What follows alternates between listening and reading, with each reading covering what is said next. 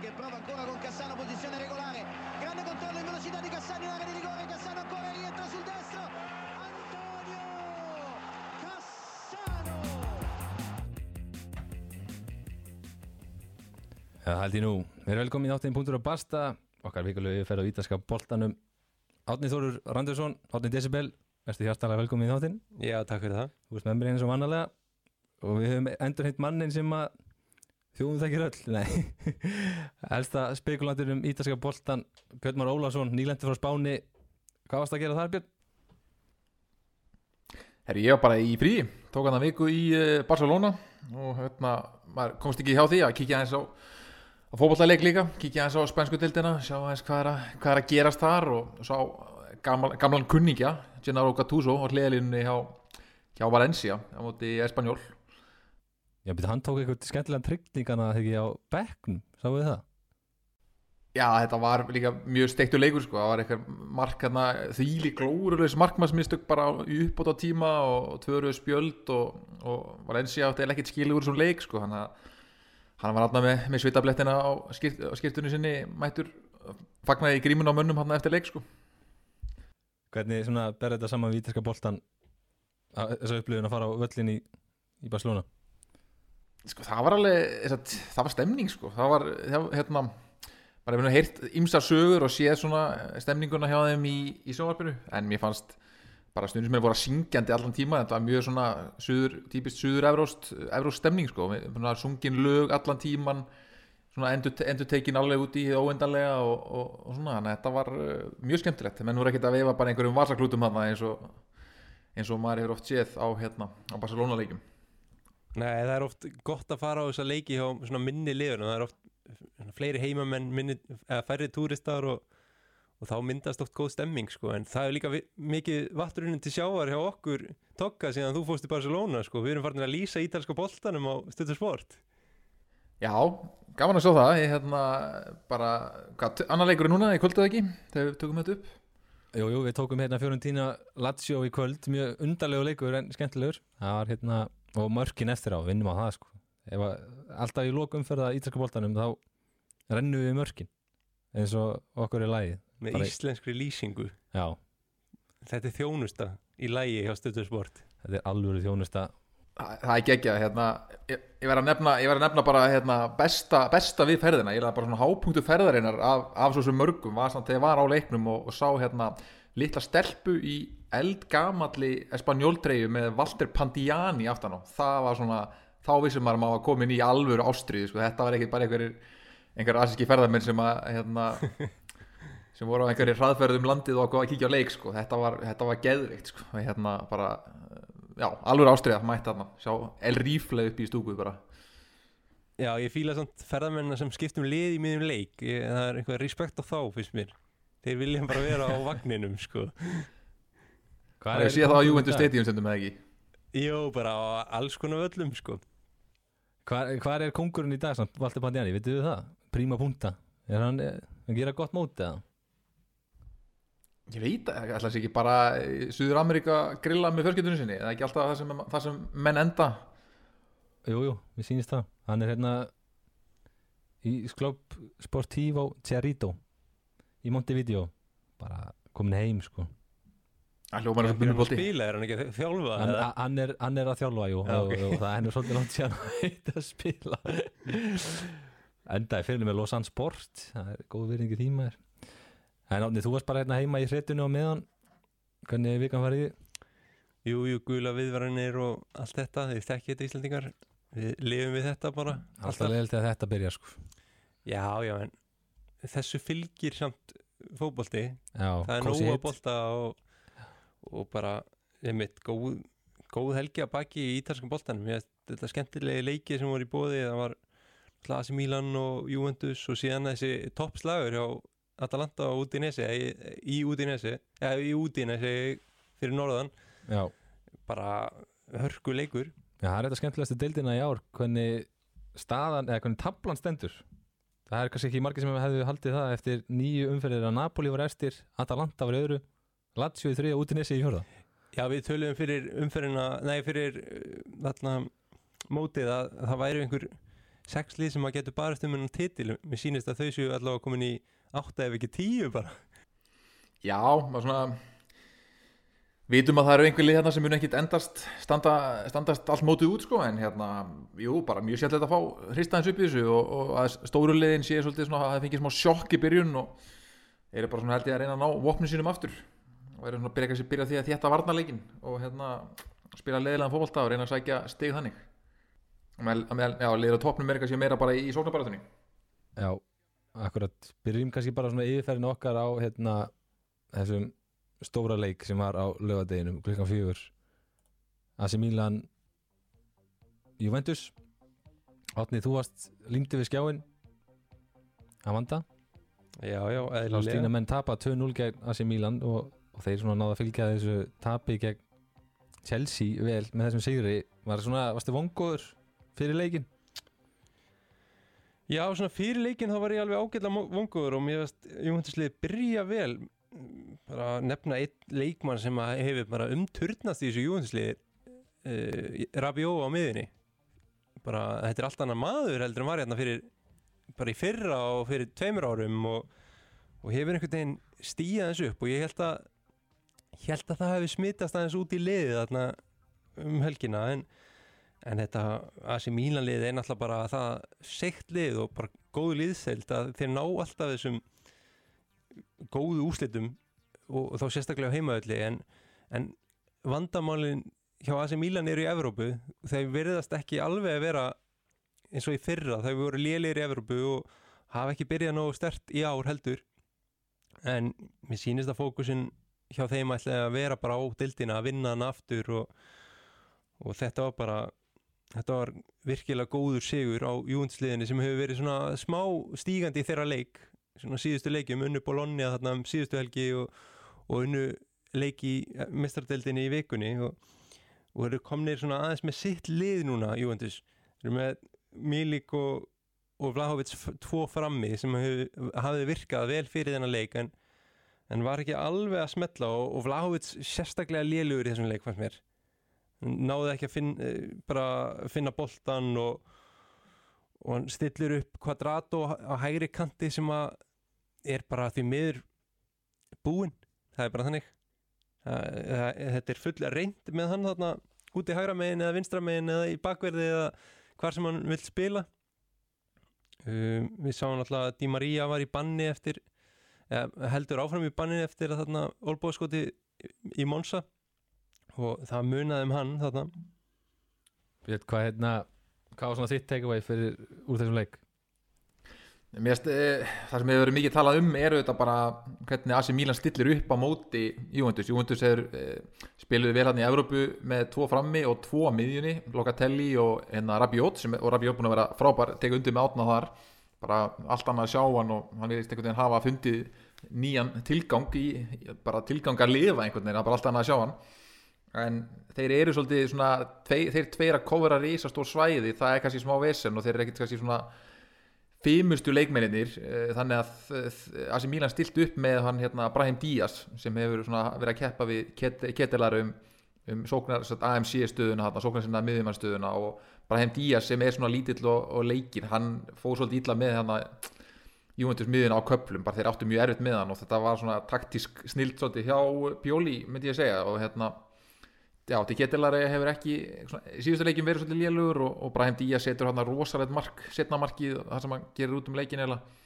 og hérna, það er svona skóp svolítið sigurinn fannst mér, annars þú veist, mér erst miklu meiri hugmynda bak við allt sem að Juventus var að gera hann í fyrirháleik en, en AC Milan einhvern veginn bara með meiri einstaklingsgæði, með í hraðin í Brahim Díaz með Leao sem ógnar alltaf og það hann ekkert átt ekkert geðvikan leik, þá bara hann er alltaf hættulegur og, og svona bara meiri einstaklingsgæði á í, í AC Milan Já, það spurninga eins og með Locatelli þarna miðinni ég sá að menn á Twitter voru ekkert rosalega hrifnir af hans framistuðu og hefur náttúrulega ekki verið nógu góður á þessu tímbili og menn segja að eina sem að Locatelli hefur er að hann er ítalskur og hann er miðjumæður sko, en ekkert mikið meira sko, þannig að Það verður samt verið að hann hafi fundið þess að miðju þeirra að tekja þarna allavega, ég menna hann var að máta leiðið sitt fyrstu áttaleikjunum og Já, algjörlega, en það er spurning með hvort að þegar Pogba ef að Pogba verður klár hvort að hann taki þetta sæti Locatelli eða hvort hann stilli þá aftur í þryggjamanna miðu sko. Já Svo, já, svo líka, hann alltaf skiptir hann í háluleik Quadrato kom út á í háluleik, hann var líka bara ekki, bara ekki góður og bara frekar vanstiltur hann inn á vellinum, eins og hann þetta er svo sem oft en svona oft hjálpar á honum en hann var hann alveg að sjóði yfir sjóði yfir, en, en Díma Jóri Írandli í banni hann, var, hann spilaði í Evrópu og hérna, ekki, kom inn á í Jú, vikunni? hann, hann spilaði í Evrópu en ég held að hann hafi verið fór eitthvað tæpur út á en ég held að hann hafi mitt verið í banni þannig eftir þetta olbóðskotan gegn Monsa Já, að, veist, það, það er alltaf annað kannski þegar hann kemur líka því að þá er þið með, þú veist, tvo að miðinu og hann leita svolítið inn á miðinu náttúrulega. Hann er ekki, veist, hann er ekki eins og kvadráð og, þú veist, hæri réttvættur út á hæri kanti heldur, hann er kannski gefið um svona kannski það eins skári kostur þegar tímar ég kemur, hann alltaf mun gera mikið fyrir sóknarleiki þeirra. Og hérna annars e, e, Milik og Vlahovits búin að vera flottir og Vlahovits er sjóðandi heitur, nýbúin að hérna, koma úr ansleikja liðinu með kostið þar sem að þeir serbarnir unnu normen og hérna, í svona svona batli á milli Vlahovits og, og, hérna, og Holland sem að, sem að Holland fór markalauðs að velli þar. Þannig að hérna, hann var alveg með sjálfstöðstu í, í botni en hann var ekki góður í þessu leik og fekk held ég bara var liðlegasti maður vallarins hjá, í bókum gazetunar uh, Takeaway frá þessum leik var svolítið hann að Asi Milan hafi svona, það verið nokkuð verðskuld, verðskuldaðu sigur og, og munur á liðanum sem mikill. Já, ég, ég held svona eins og staðan er í dag þá er Asi Milan kannski með er svona skrifinu framar sem fullmóta lið finnst mér. Uh, miðjan hjá þeim, Benacer og Tonali voru frábæri leiknum. Uh, maður sem var í vesenni gegn Chelsea, Tomori hann átti bara stjórnuleik og, og skoraði náttúrulega uh, en síðan varandi eins og bara sóknarleik Juventus í setniháleik þegar að þeir þurfa að fara að sækja og finna mark að, að hafa hægri bakurinn Danilo inn á vellinu með kannski ekkit rosalega spennandi til að skapa einhverju hættu þannig fram á við sko. mm -hmm. og svolítið flatt þegar að þið þurfa að sækja sko.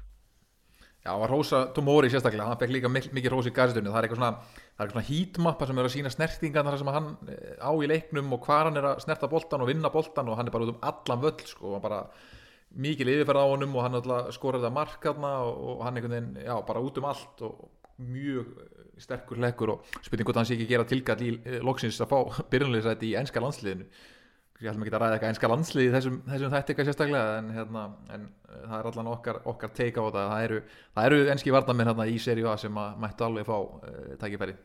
Já, nákvæmlega.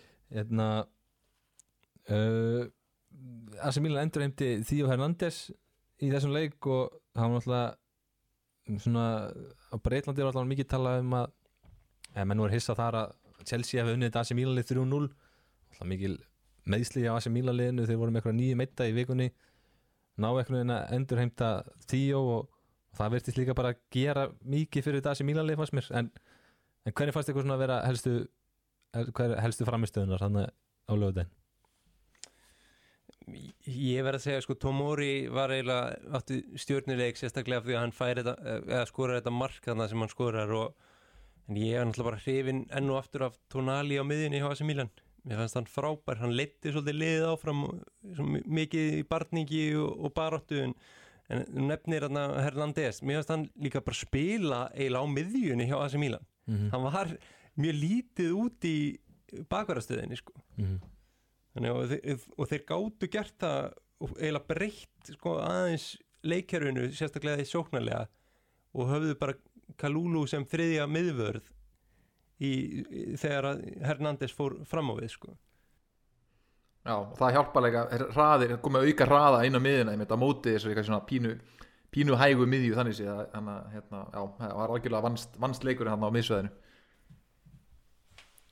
Heldur betur, góðu sigur í Asi Mílan og það er spurning hvort þeir nái að taka hann inn í miðja viku þar sem þeir mæta Chelsea aftur nú á heimavalli og þeir þurfa klálega á Sigri haldra þar. En höldum áfram í íferðin okkar og förum þá á Artemi og Franki völlin það sem að leikar voru í kvöld.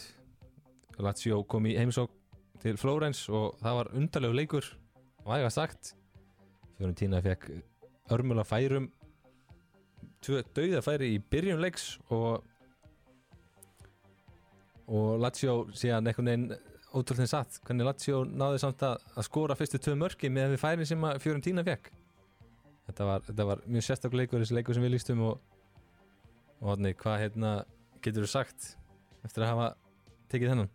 Já, við náttúrulega lístum þessum fyrir í kvöld og ég meðst bara að Latsjóliði svona eh, bara miklu betri ef ég á að segja satt sko, mér uh, þetta fjóna tína lið svolítið vilt í sínum aðgerðum er ekki rosalega skipla miðjaðir í fyrriháleik var svona það var Amrabat sem var eiginlega eini maður sem var að gera eitthvað fyrir fjóna tína í, í fyrriháleik og var að leita mikið út á kantana og, og það var ekki að virka. Þeir fengu nú nóga færum sko, og, og Jóvits klikkar þarna á tveimur döðafærum eins og nefnir í byrjun leiks. En síðan einhvern veginn fyrir að fjara bara undan þessu og þeir missa trúna þegar að þegar að Lazio fara að setja fleiri mörg á það og, og þar við satt einhvern veginn 4-0 í þessum leik sem maður átti já, ég bjóst við að er þið kannski meiri baróttu leikur um stöður á vellinum og, og það er bara gæði hjá leikmennin Lazio sem eru ekki til staðar hjá fjónatínuleginu eins og Milinkovic Savic og, og mér finnst Sakani frábær á vinstri kantinum hjá það Já, þetta er svolítið svona í ökla eira fyrir bæðilegi Lazio og Fiorentina, þetta er annarkort 4-0 sigrar eða 4-0 tap eitthvað núna lendi það fyrir, núna lendi það Lazio megin björn. Já, ég meina, hérna XG-i leiknum var þannig að Fiorentina með 2,6 held ég og Lazio með 2,3 og Fiorentina, sangjart hefði alveg getað verið 2-2 eða eitthvað, þetta var ekkert Fiorentina fengu alveg nóga færin til að, til að klára hana leik en þegar mörkin einhvern veginn kom ekki hérna á fyrstu, fyrsta klukkutímanum þá höfður ekkert trú á þessu og, og skiptingarna voru ekkert að hjálpa mikið til. Gonzáles kemur inn á reyndar og fær færi eftir eina mínútu og þessum hann bara dauða færi sem hann eh, klúður hann líka og heitir ekki boltan eins og. Þetta var bara mjög skrítin, skrítin framist að hjá, hjá Fiorentina og, og þeir bara geta sjálfum sér svolítið kent. Eh, það ná ekki að skora úr öllum þessum færum að spila móti hafsendaparinu Romagnoli og Patrik það, eh, það er ekki gæðamerki, gæðamerki og hérna þeir lítið vel út í kvöld mótið sem fjóra tína já, já, já, þeir gerðu það og hérna, en þeir þurftu að verjast mikið og fjóra tína, nei hérna latsjóliði var á köplum ekkert mikið með boltan en þeir voru bara svo beitti fram á við og þeim, leið, þeim líður ágætlega bara að droppa niður og, og verja skrinlega þeir hérna og svo eh, á skindisóknunum eru þeir með svo rosalega gæði, ég meina Milinkovic Savic í þessu leik, maður verður að nefna hans sko, hann var frábær að eiga þessi assist. Það nátti líka assist þarna þegar Immobile skýtur í slána bara ótrúlega, ótrúlega leikur hjá honum og einhvern veginn um leið og þeir fengur boltan og breykuðu þá sá maður hraðan og gæðin í þessu í þessu latsjóliði sko. Já og einhvern veginn þessar skiptingar hjá Sarri í kvöld hefniðist 100% Luis Alberto kom inn í inn á miðjuna fyrir þarna Marcus Antonio sem byrjaði í djúpum miðum sem djúpum miðumæður og, og færiði Vecino í djúpan eftir að Luis Alberto kemur inn á og hann, mér finnst hann frábær hann er bara með betri miðumöðunum í þessari del því hann er á deginu sínum. Og þeir klára bara leikin Luis Alberto skora þarna þriðamarkið og, og, og Ciro í móbili skora fjórðamarkið og Petro kemur inn á einnig var mjög góður, ógnaði alltaf einhvern veginn og skapaði usla sem að þeir skora úr þarna í fyrramarkinu minni mig. Í, í þriðamarkinu já, þriðamarkinu já og, og já, þetta bara latsjólið kemur mann alltaf áfram á óvart og sérstaklega á miður hversu hörmulega það gengur já, í Evrópu. En svo fyrst að þetta hafsendapar sem við erum ekki mjög hrifnir af svona almennt og þeir hafa nú haldið hreinu hérna núna og í hvað síðustu fjóru leikjum þá verður líka rosa markmærinum Providel og okkar manni, maður eins og við sögðum að myndi taka taka byrjunleysætið þannig að hann ekki byrja hann í fyrsta leik svo þegar hérna hinn markmærin við gröðspjald og hefur bara ekkert sé völlin aftur eftir það. Það er hérna Providel eh, komin mjög sterkur inn í þetta komin í landslýsopin, var í síðasta ítalska landslýsverkefni og já, fjögur klín síti rauðu dildinni og fimm uh, í heildina í hvaða nýju leikum bara frábæð framist það, hann var svolítið shaky hann eða byrjun, en byrjunleiks í fótónum uh, þegar Fiorentina voru að pressa mjög mikið það má man alveg nefna það líka. En hérna frábæð markur og bara, já, það er kannski hann sem er líkillin að þessu þessu, þessu varnaleg frekar en uh, hérna, kumpanóðin hann að fyrir framann uh, Þetta fjórun tína leið þetta er ekki að fara eins og þeir voru búin að búast við. Luka Jóvits var einhvern veginn í engum takti ekki frekar enn fyrir daginn. Uh, þetta eru rosalega mikil vombrið og þú veist er þetta svona svertir þetta aðeins þetta orðspór sem að Italianu var að byggja? Ég, ég er erfitt að dæma hann út frá þessu eða þess að framistunum kannski kvöld þeir, eru búin að vera líka í Evrópikeppnunni fyrst skipti í mörg ár og, og mikið leikja ála sem að fylgi því og, og hann hefur búist við því að fá meira út úr eins og Luka Jovic. Bara Luka Jovic kemur frá Real Madrid framherji sem að menn bara trúði ekki að þeir hefði fengið hann. Og, hérna, og menn byggustu miklu og hann bara getur ekki klára færi og það hefur bara verið ansið dýrt fyrir það ekki bara í þessum leik heldur í, í ansið mörgum leikum á tímabilinu. Þannig að hann, þú veist, það er erfitt sem að kenna nú kannski beint um það. E, þetta er okkur fyrsti frammerinn sem að hann er með í hérna Italiano sem að, sem að skora ekki mörg skora svona fá mörg, vennilega skora allir frammerinn bara alveg mörg í öllum regnbúanslitum þannig að þeir, hann er vendilega bara betra að hann hrökku í gang og annars þarf hann kannski bara að fara að rótira prófa, prófa okkur aðra menn upp á topp ef að, að Luka Jovic ætlar að halda svona áfram sko. en hann er rosa svona, það sem maður séð á hann á Ítalið, svona rosa einhafið framherri og og þarf að vera á sínum svæðum til þess að geta haft áhrif á leikin hann líður ekkert sérstaklega vel eitthvað frá markinu og, og þannig vill samt Ítalíðan að spila.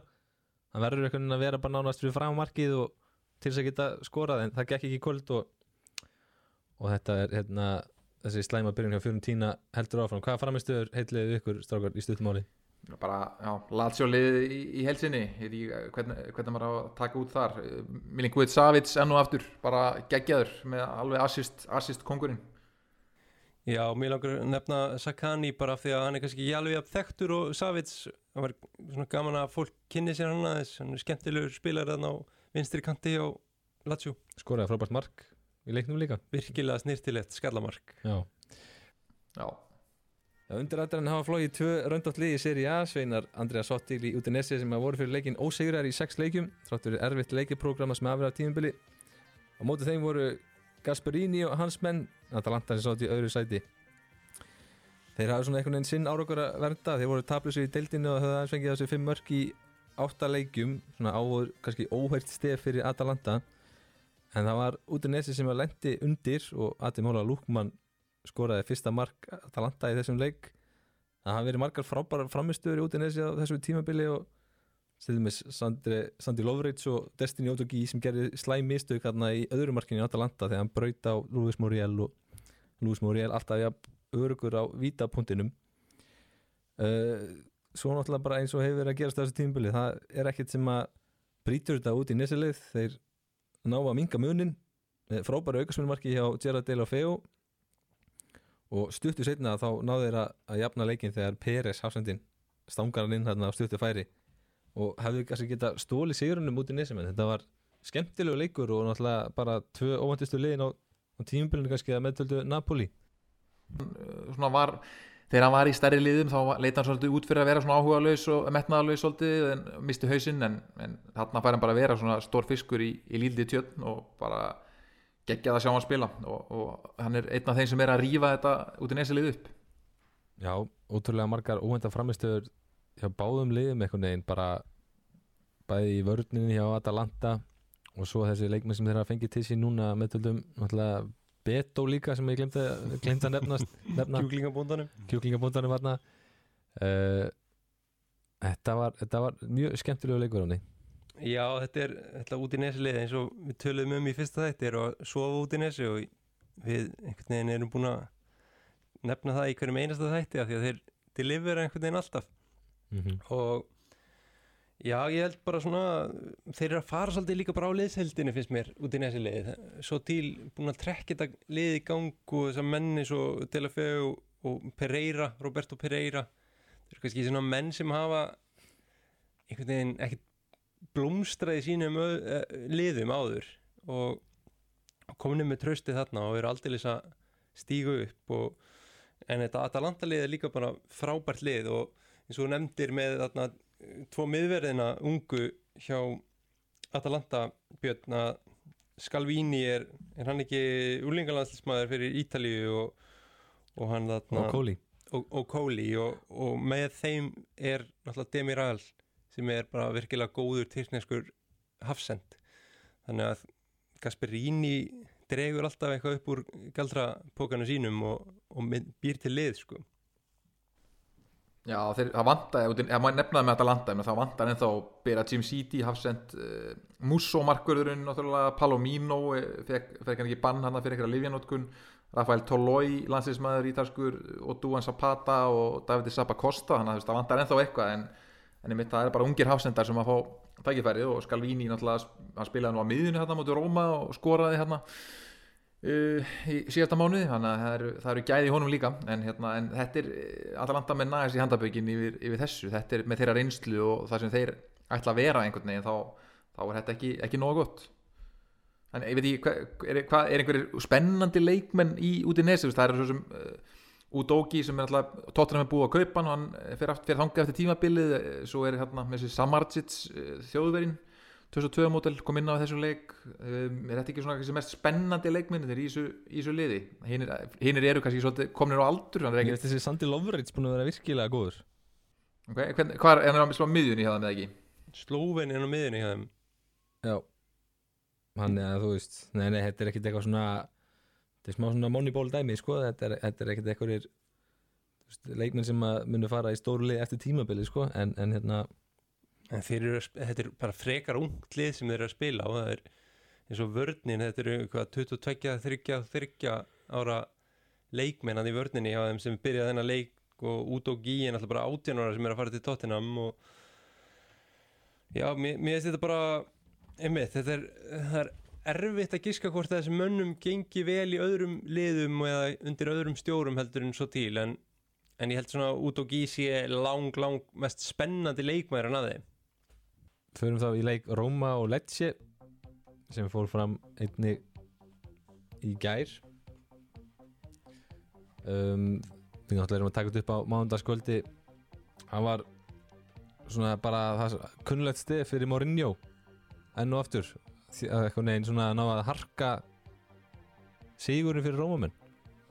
Með þessum 2-1 sigri. Það voru, markaskóru voru Chris Smalling og Paulo Dybala og það kannski svona var helsta atvekið þessa helgina þegar Paulo Dybala fór á vítapunktin eftir að Tami Abraham hafi fengið víti.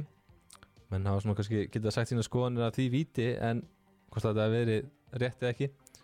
En Dybala sem sagt meiðist þarna í upplöpunu og skotinu og, og það eru helviti vondar frettir fyrir Rómalið Þetta var Þetta, þetta var fyrðulegu leikur, ég finna Róma byrja leikið mjög vel, það er bara uppselt á vellinum og skor eftir 6 mínútur og þeir bara er að, þeir er að valta yfir letsi fyrsta fyrstu 20 mínutunar og ég fekk mitt skilabóð frá, frá félagið mínum sem hefur orðin ekki mikið á Róma leiki en hann bara hafði orðað því hvað þetta væri leitt vel út hjá þeim. Svo eh, fær letsi rauðarspjaldi, þarna Morten Júlmand frábæri danski leiksundandin hjá þeim hann á miðinni, hann fer í einhverja 50-50 tæklingu við Bellotti og fer með satt, eh, fer með hérna takka nægilega á sköplungin á honum, svolítið ofalega þannig að hann fær auðspjald og það var alveg undill líka og menn hafa alveg verið að tjá sér mikið um það eftir leik og hérna, ég sá líka mjög fyndið vídeo af hérna sem einhver var í stúkunni letsimegin, satt hann aftast var að taka þetta upp og þar eru fóreldra Morten Júlmand í danirnir hann að bara sitja hans efst í stúkunni með auðvitað með hérna kaldan öl við hönd og þau tóku þessu rauðarspjaldi ekki sérlega vel. Og hérna voru mjög ósátt aðna, voru eitthvað uh, gargandi og hérna, og já, það voru margir ósátti með þetta rauðarspjald en allan að lýsandin hérna í Danmörku hann var nú alveg á því að þetta væri rauðspjald en, hérna, en við það þá eiginlega bara svona kemst lett sjálfur vel inn í leikin sko, og hérna, og jafna hérna rétt fyrir hálfleik Strefetsa. Já, Strefetsa, kongurinn, okkar maður hérna bara eftir hotspillnu, eitthvað barningur og, og það má líka, líka nefna það að hérna, Samuel Umtiti byrjaði sem fyrsta leik fyrir Lecce og hann var hægt í vördunni og það munaði heldur betur um að hafa hann hana, hafa einn heimsmystara hann í, í hafsendunum en já, bara stemnings, eða ekki stemningsleysi bara, en það var hugmyndasnöytt hjá Róma og mjög svolítið þvingað og Aftur eitthvað neginn eh, textum að skapa færi en skor ekki Já, það er bara, markaskorun er erfið hjá þeim og hérna Mourinho var eiginlega ekki ánæði með neitt hann í sóknarlínu saðan nema Andrea Bellotti sem að barðist og barðist en veist, hann, er, mjög, hann heldur ekkit eitthvað eh, verið að koma sér í eitthvað mjög mörg færi þannig séð, ég, svona, vil sjá aðeins meira frá honum bara svona í gæðum. En það, en það er mikil barátt að í honum og hann alltaf tekur mjög mikið til sín alltaf í einhverjum, einhverjum fæting en, en bara mjög hetjulega barátt hjá Lecce og, og já, um títi hafa, hafa mjög gaman að fylgjast með honum. Þetta er leikmæð sem hún spil í Barcelona að vera með hérna, spilað eins og leikmaður sem valdið hefur í, hérna, í mörg tímabil og maður er svona mættur í botbartu og Baski Rotto hann í liðs að fara aukt spjald Dýravörðin við liðina á sér svona Já. Með eitthvað e glímukappa liðin á sér og vera síðan að hérna, manni færri í 70 mínútur þetta var, hann var ekki sáttur og hann hafði ekki mikið húma fyrir, fyrir þessu sem var að gera sérna vellinu menn hann, hann barðist vel og hann var góðu sko bara fítn og hérna Þannig að þetta var heitulega baróta og hérna, en svo fær Róma þetta víti hérna í setni hálfleik og til bala skorur því og, og meiðist og svo eiginlega gerist ekkit mikið eftir það, Rómamenn voru heldur ekkit eitthvað ógnað, eitthvað voðalega mikið voru bara, kannski frekar að reyna sækja bara stíð, stíðin þrjú Já, þetta lítur ekki vel út fyrir Róma að missa til bala einhvern veginn gæðin sem hefur verið að stígu upp þegar við vantar mark að skora þó að þetta mark hafi nú verið úr víti þá þarf nú að skora þau en Eh, skelvir þetta missan ef, ef vita svona hvað þetta gæti verið er þetta tóknun framan á læri eða hvað, er þetta eitthvað í nénu eða hvernig? Hann bendi eitthvað framan á læri og var með eitthvað íspoka svona já, ut, framalega, utalega á læri. Ég held fyrst að þetta væri kannski það sem að vera glíma við síðast, þannig að alltaf meittist eitthvað aðeins fyrir landsleikjarlið, fór eitthvað hálf meittur í landsleikjarlið og spila held ég ekki neitt. En hérna, það var vist bara eitthvað það var ég aftan á læri.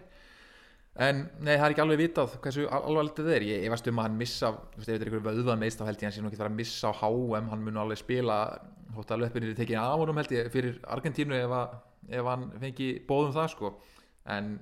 það já, þetta er leiðilegt en mér finnst þetta leiðilegt hvað Róma hefur orðið hvað þeir eru háðir uh, honum. Þeir voru, í fyrra voruð með Abraham og Sanjolo og Pellegrini og veist, voru fínir bara svipar á í ár, núna er, er þetta í bala sem komin inn og hann er búin að vera mjög góður og, og er einhvern veginn sá sem er að skora mörkin en þeir eru kannski svolítið háður honum. Uh, Sanjólo fór líka mittur út á hann í hálfleik.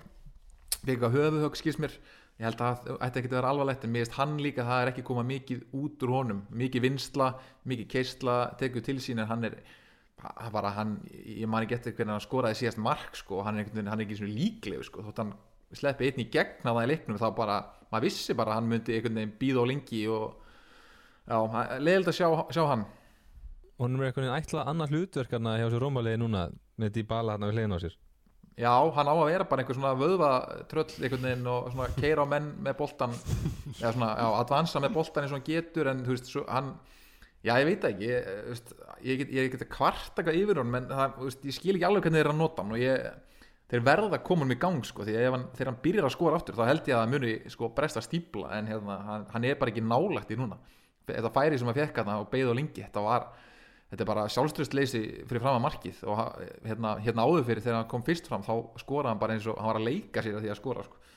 alveg í öllum mörgu í öllum reppbúðarslutum hann að já, svona Ab Abraham líka kannski svona valdi vonbröðum þú veist, Mourinho virðist að hafa mist svona þólumæðina kakvart honum sem er kannski kemsluðu orð Já, ég, en hérna, ég held að held að menn séu alveg enda með nefnum en þá og séu bara þeir eru að hanga í toppliðunum og hafa ekki ennþá farið á okkar gott rönn uh, þú veist, þeir eiga það af inni. Uh, þannig að þetta séu bara að reyna að spila sér saman og hann sér að finna svolítið svona bestu uppstillinguna. Veist, það er erfitt kannski þegar þú ert hann er mikið að rótera, það eru margir leikir erfiði leikir í Európu og svo er hann að hérna, svo eru leikmenn að meiðast veist, eins og hérna höfuðhöggi á Sanjólo og Pellegrini og allega tæpur og svona mikið rót á liðinu en hérna hann, þeir ná að sigla heimallan að þreymlu stígum inn á milli og svo bara eins og ég vonast þér að það ekki gott rönn hérna eftir, eftir áramót. Já, ég held að sko ef ég þekki þessi meðsli rétt eins og í bumbubóltanum hjá mér þá eru því bala komin inn á völlinu eftir tvær vikur. Ég fæ all, oft í framannin læri þegar ég er að skjóta Segir samt alltaf að vera burtu En ég mæt alltaf aftur. Stráka, ég kem ekki í marga mánuði. Já, segi, segist þetta sé alvarlega heldur en þetta er sko. Já, Eh, er þetta hérna, er þetta maður skýtur á fast eða það sem að Þetta er þetta lendi í þá lærið er ekki alveg nógu heitt Þetta, náttúrulega hann skoraði hann á 48. Hann hefur kólnaði þessi já, Þá kemur svona högg á Já, framan að lærið hann er búin að greina þetta já. Eh, En Þórir, Þórir kemur inn á 71. Hvernig fannst ykkur hann koma inn í letsiliði? bara erfiður leikur að koma inn í hann bara, hann var bara fít sko það var ekkit, ekkit út á hann að setja bara, þú veist, syndi sínu vel fannst mér en þetta verður blóttaka kannski spurning hvort þetta verður blóttaka fyrir Rómali því að hérna Dybala hefur skorað fimm mörk í síðustu sex leikjum og, og með eina stóðsendíku bara svona aðeins að lokum um hérna Róma var þetta Pellegrini. Heldur að hann kannski muni þá stíga hana upp við hliðin á Sanjólo og þeir verða með þess að þunglamælega miðju þarna eða hvað heldur þeir að gera Já, ég held að Pellegrini verði líkitinn sko. Hann, ég veist líka hann veist, hann gerir allt rétt þannig til hann stendur fyrir fram að markið og, og, skjóta sko. Er hann hérna búin að vera með fjögur að fimm assist á tímabilinu stóðsendika hæsti leikmaðinu dildina og samt Milinkovic Savits og hérna, góður í því en, en hann þarf líka aðeins að bæta mörgu við sinn leik. Þá, þá getur hann svona hjálpa til að, að leysa Dybala af því að Pellegrini er frábær leikmaður og mjög mikilvægur í þessu liði. En þannig að já, þeir færa hann örgulega framar og þá þarf Mara Matic að spila ennþá fleiri mínútur. Hann, hann var kallað á hans stjónustu þarna í setni hálfleik og hann, hann er, er að spila held ég svolítið meira heldur en Mourinho vill uh, hann vill spara hann kannski aðeins meira en hérna, jú, þeir leysaði örgulega þannig. Og svo er líka meðslega bakver, bakverðinum hjá Róma líka og hérna, Salevski var mjög góður ungistrækur en hann var komin að hægir í kanti núna og var bara mjög sprækur. Þannig að hérna. Já, hvað besta framistæðan þarna? Um, erfitt að velja einhvern veginn í þessu Róma liði sko. Ef ekki sé gefa bara Dybala þetta hann bara skoraði sigumarkið og þakkaði fyrir sig. Og lappaði út af já. Fyrir þá ég heitast að liði dildarna stokkar Napoli og mútið Cremonese. Napoli. Þetta er bara skemmtilegast að þetta er bara skemmtilegast að liði í Európu það er það er bara staðfest. Þeir eru náttúrulega bara frábæri í Európu eða í meistarideildinni og, og í seríunni og skora fullt af mörgum við hefum talað um þetta fyrr á tímpilinu að þetta er eiginlega skemmtilegast að leiðis að horfa á í deildinu og hefur oft verið það, finnst mér. Þeir hafa oft verið með svona skemmtilega samsetningu af leikmennum en enn og aftur er að koma bara menna sko, sem eru ekkert í byrjunliðin endilega og, og skora mörg fyrir þá.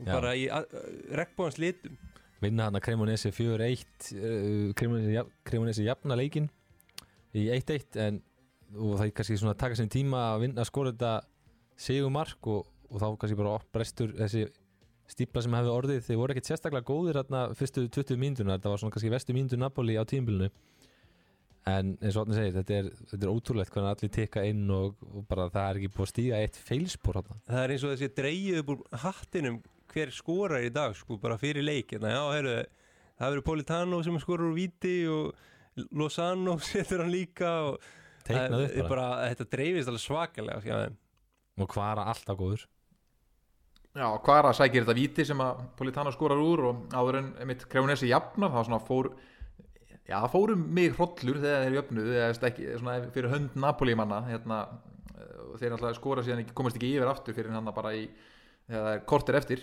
og þessi sem að leikmann sem skoraði fyrir Cremonese við erum ekki mikið að nefna leikmenn í Cremonese en þessi Dessers, hann er, þetta er sprækur, sprækustrákur uh, hérna, skora sér fyrsta makki dildinni en er búin að vera fít en svo er það bara frábær bara völdu, yfir völdun hjá Napoli þessi sóknarlína, þeir eru að fá rosalett hérna, rosalega mörg mörgum þetta af bekknum allir gæðanir eru bara að koma inn á spólgraðir ætla að skora og hérna, Simone skorar enn og aftur. Og já, það, Ossi Menn er að fara að mæta aftur þetta úr meðslum og það er bara spurning hvort hann komist í lið þegar Raspadori er búin að vera gjössanlega frábær. Við höfum, ég hafði svona smá efasemtur um hann, sérstaklega kannski hvort hann væri með mörkin í sér. En ég meina, þú veist, ég geti spilað hann fram í á Napoli og, og slýsast til að skora 2-3 mörk Þú, þú væri með 2-3 hraðan í kringu sem myndi leggja upp á þig Já, bara þið myndi muna leggja hann á vinsturlöpunum þá geti ég alveg skorað 2-3 mörk sko. það er alveg, ég Baletti myndi bara segja mig hver að þetta standa og ég myndi fá bótt. Já, svo eitthvað skiptir ekki máli hverja inn á heldur Endó Beli sem að menn voru ekki sérstaklega hrifnir að þess að byrja með hann byrjaði þarna á miðunni og þetta tikkar bara alveg sama hvað sko. Já, getur óterað einmitt bæði í sóknarlínu og á miðunni Svo er vörnunni er hann bara með Rahmani og, og okkar mann Kimmar hann hann bara sem er bara með einhverjum gannamstæl bara að skellja lás leik eftir leik og já, á einhvern fyrðulegan hátt sko. En það er náttúrulega bara eitt maður sem er orðið nýji kongurinn í Napoli og það er Kvarat Skilja Já, Kvarat Skilja, já, já. Hann gísa líka flottur sko. Hann gísa er náttúrulega bara í guðutölu hjá mér þannig að ég nefna hann ekki en, en Kvarat Skilja, hann bara kemur að mörgum í nánast hverjum einasta leik hjá þessu liði Man hefur ekki fengið að heyra eitthvað nákvæmlega og sennilega mjög maður alltaf kannski að fá að heyra allan sannleikan en veist, hver að ég er sem að skáta hann? Því að þeir eru náttúrulega með Napoli þeir eru með mann hann sportingdirektor sem heitir Giuntoli en þú veist, sportingdirektor undir Di Laurentiis er ekkert sem hann fá að ráða neitt voðalega miklu því að ef það er eitthvað góðu leikmaður sem Napoli kaupur og hann slæri gegn þá náttúrulega tekur Di Laurentiis alltaf, alltaf heiðurinn. Hann náttúrulega einhvern veginn, allar þessar stórstjórnur Higuín og, og hérna Kai Hon og allar þessar stóru stóru posta sem hafa staðið sér vel þá far alltaf að díla rentis heiðurinn en það er spurning hvort það sé ekki hann Tjúndóli sem, sem að sé galdramæður þannig á bakvið tjöldin og fær sennilega aldrei það lof sem hann mögulega áskilið. en, en það er spurning líka hvort að menn hafi verið að fylgjast aðeins með hvert skilið hann í Rúbin Kassan á hann kemur aftur til Georgi hann hefur kannski verið að já, gera það gott í Rúslandi áður en að stríði brestur út og, og menn hafi verið með augun þar frekar heldur en í Georgi sko. Myndi ég halda. Já, hann var líka búin að vera góð með landsliðinu heyri, hann, einhver félagi minn sem að sá hann að gegn svíjum fyrir árið síðan eða einu og hálfa ári síðan þar sem hann var veist bara gjössanlega frábær. En svo bara svo margt sem það er að ganga upp þú kaupa leikmanni minn sem spilaði í Úslandi og Georgíu og þú veist ekkert hvort hann sko, sé með físíkina einhvern veginn hvernig hún er, hvernig hugafærið er þú veist leikmenn sem að koma frá Úslandi í ítalska boltan hafa nú ekki verið að gera sérstaklega gott munum eftir hann hann sem kom til eh, fjörun tína hérna hvað er þetta vandræðgemsin? Kokkorinn eða ekki? Kokkorinn, já veist, þeir hafa nú verið, fengið heimþrá einhverjir og átt erfitt með aðlagast en veist, hann er bara, er, ég bara er að leita veiklegum hjá hverja skila, ég bara sé það ekki sko. Kannski svona, þú veist, maður dagir snirta toppin og, og skeggja eins og þú veist, annað en það, þá bara já það er svona einhver, einhver romantík í þessu lúki hjá hann sko. þetta er vel georgist sko. já, og sko. hann er búin, hvað, búin að skora fimm mörg í dildinni tvö assist eins og Björn Már kom inn á áðan fær þetta viti sem er náttúrulega ekki skráð sem assist en, en hann gerir bara virkilega vel fyrir þetta lið og, og er alltaf hættulegur mm -hmm. Já og Napoli En skildu sig fyrir Napoli að vinna Cremonesi þannig að þetta er, þetta er náttúrulega kannski Þeir eru syngjandi og talandi á toppnum. Uh, klárum þessi yfir fyrir okkar í snattri og heyrum að helsta úr öðrum leikjum helgarnar Abris with the ball in. Now Pablo Murray delivers for Monza. The Palladino effect Monza well on course for three wins on the spin. Here is Destro and still Destro! That is absolutely wonderful. Form is temporary, class is permanent. Mkhitaryan Dzeko! Edin Dzeko. on his day as a Centurion becomes the match winner. Yeah, it's superb! What a way to win the game of football! Boulay Dia with a curling effort for his fourth goal of the season.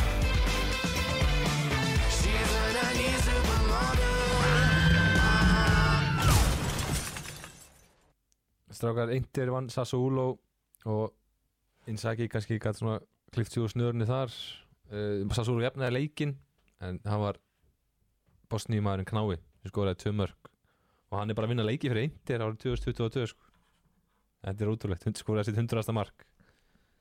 Já, bara vil geta á Dzeko sem skoraði sitt hundrasta mark og, og hérna í deildinni og, og bauði liðin út að borða eftir á. Og bara gott svona jákvæmt fyrir að fá, þetta var ekkert of erfitt. Eh, Davide Fratesi okkar maður hann að Sassolo jafnar. En já, bara mikil segla í, í Dzeko og svona vörninn hafsendarnir hjá Sassolo réðu ekkit við hann í þessu leik og hérna, já, bara fínu uppbytun fyrir uh, næsta leik, eða er, er ekki Barcelona útivelli í, í vikunni? Eða ekki? Og það sem að uh, menn er að búast við að þeir munu stilla upp ansi, ansi varnasinnu liði með hvað það sé að láta Taro Martínez upp á topp og Miki Tarjan með honum. Eh, það er svona second strikerinn í þessu leik eh, motið Barcelona er talað um. Þannig að þeir eru að fara í mjög erfitt verkefni þar og bara fínt að þeir fengur svona auðveldan auðveldan leik núna í velkina Já og má líka bara nefna með Fratesi hann er búin að vera virkilega góður hjá Sassúl og þessi svona stó, stærri lið í Európa eru farin að fylgjast virkilega mikið með honum að, að nappanum jáfnveil bara í janúar frá Sassúl og hann og einhvern veginn Lorient voru bestu menn Sassúlo í, í þessum leik og en það sem gladdi mig mest er að sjá Onana í markinu hjá Inter. Það er bara þýliku léttir Það sem stuðnismæður Juventus að sjá hann bara mér, ég var hann meðvirku með Inter samfélaginu að, að fylgjast með hann að hann Danovic í markinu. Já, nokkvæmlega Ég meina, samt ekkert sérstaklega mikið gleði efni síðan með Lótaro Martínez sem að hún fær, færin og færin gleymið því að skora. En hérna, góðu sigur það er svona, góðu sigur hvað er þetta að segja? Jú, góðu sigur, þetta er útivelli. Fýtt sigur. Já, fýtt sigur hjá Inter. Segjum það, Monza vann síðan sinn þriðja leik í röð, vinna 2-0 á móti Spezia, Mikael Eilt kemur inn á.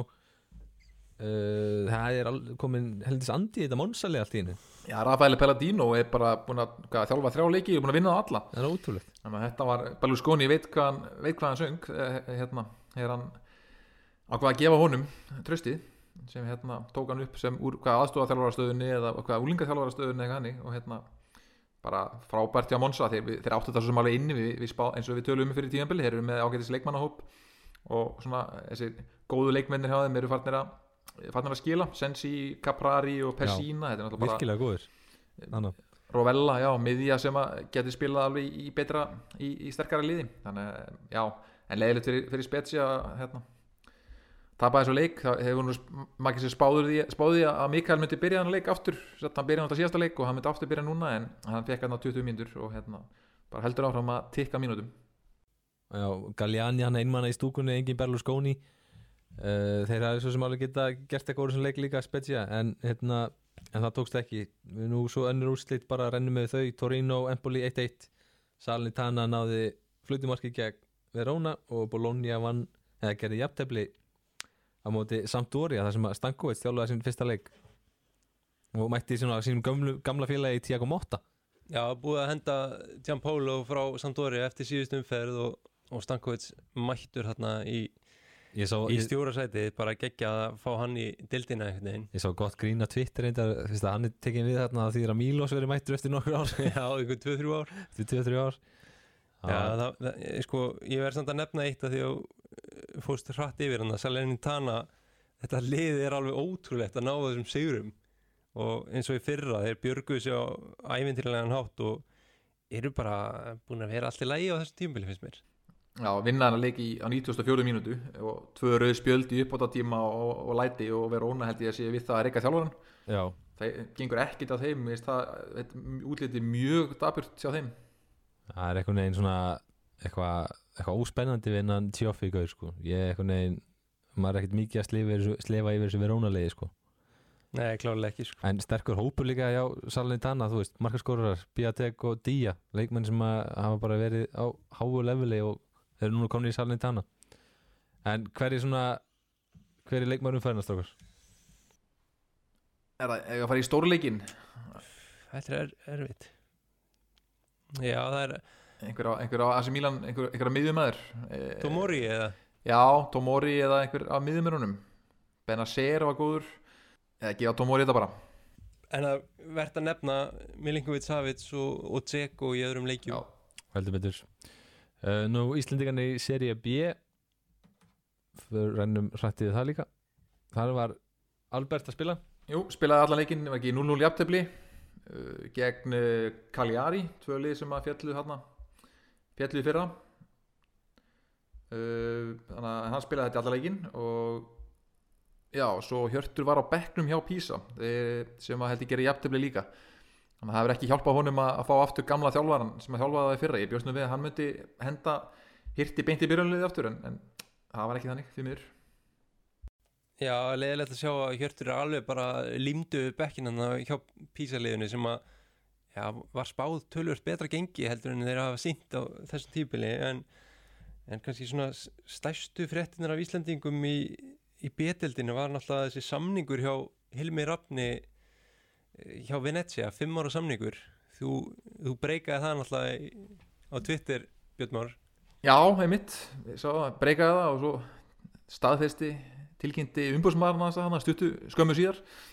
Hérna, Já, bara gaman að sjá það, fimm ára samningur hjá, hjá honum og hérna, hann alltaf er komið með hvað tvö mörg í, í byggarnum í ár í, hérna, en svo er hann alltaf eftir það er hann bara aðalega búin að vera að spila með með uh, Primavera liðinu með öllum íslendingunum þar. En, hérna, en bara mjög sprækur strákugreila svona hraustbyður sterkur framherri þannig að sem að spilaði líka með uh, spilaði ekki aðeins með U21 um daginn? Jú, heitlaði svolítið menn þar einhvern veginn bara fyrir holningu og, og gæði sko og bara mjög vel gert hjá hann að fá hann að fimmar á samning hjá Venecia það er alveg, segir manni að þeir hafa mikla trú á þessum leikmanni. Já, algjörlega, alltaf, já, fekk mínutur hérna í, í serju A í fyrra og þessu, tvö mörg í, í Coppa Italia, það er, það er alvöru, alvöru framist það. Uh, hvað stelpuna var það þá er síðan Milano-slagurinn næstu helgi, það er spurning hvort að okkar stelpur spili þar, hvernig standa leikar í, í stöðunni þar? Jú, það er náttúrulega bara, Indir eru á toppnum þar með 13 stig og fast á hæla kemur Róma með 12, Fiorentina 12 og Juventus með 11 þetta er bara lítur ágætlu út hjá þessum Íslandingaliðum það vantar bara Íslandingi í Rómalið þá erum við einhvern veginn með bara línun eins og hún leggur sig í topp sætunum Já, gaman að fá hann að stöðun og upplæst þetta er bara eins og í útvarpinu sko, Já, já. Rástöðu En hérna, riðlinn sem að Ítalija fekk drættir um helgina fyrir 1.2024 hvað finnst ykkur um hann?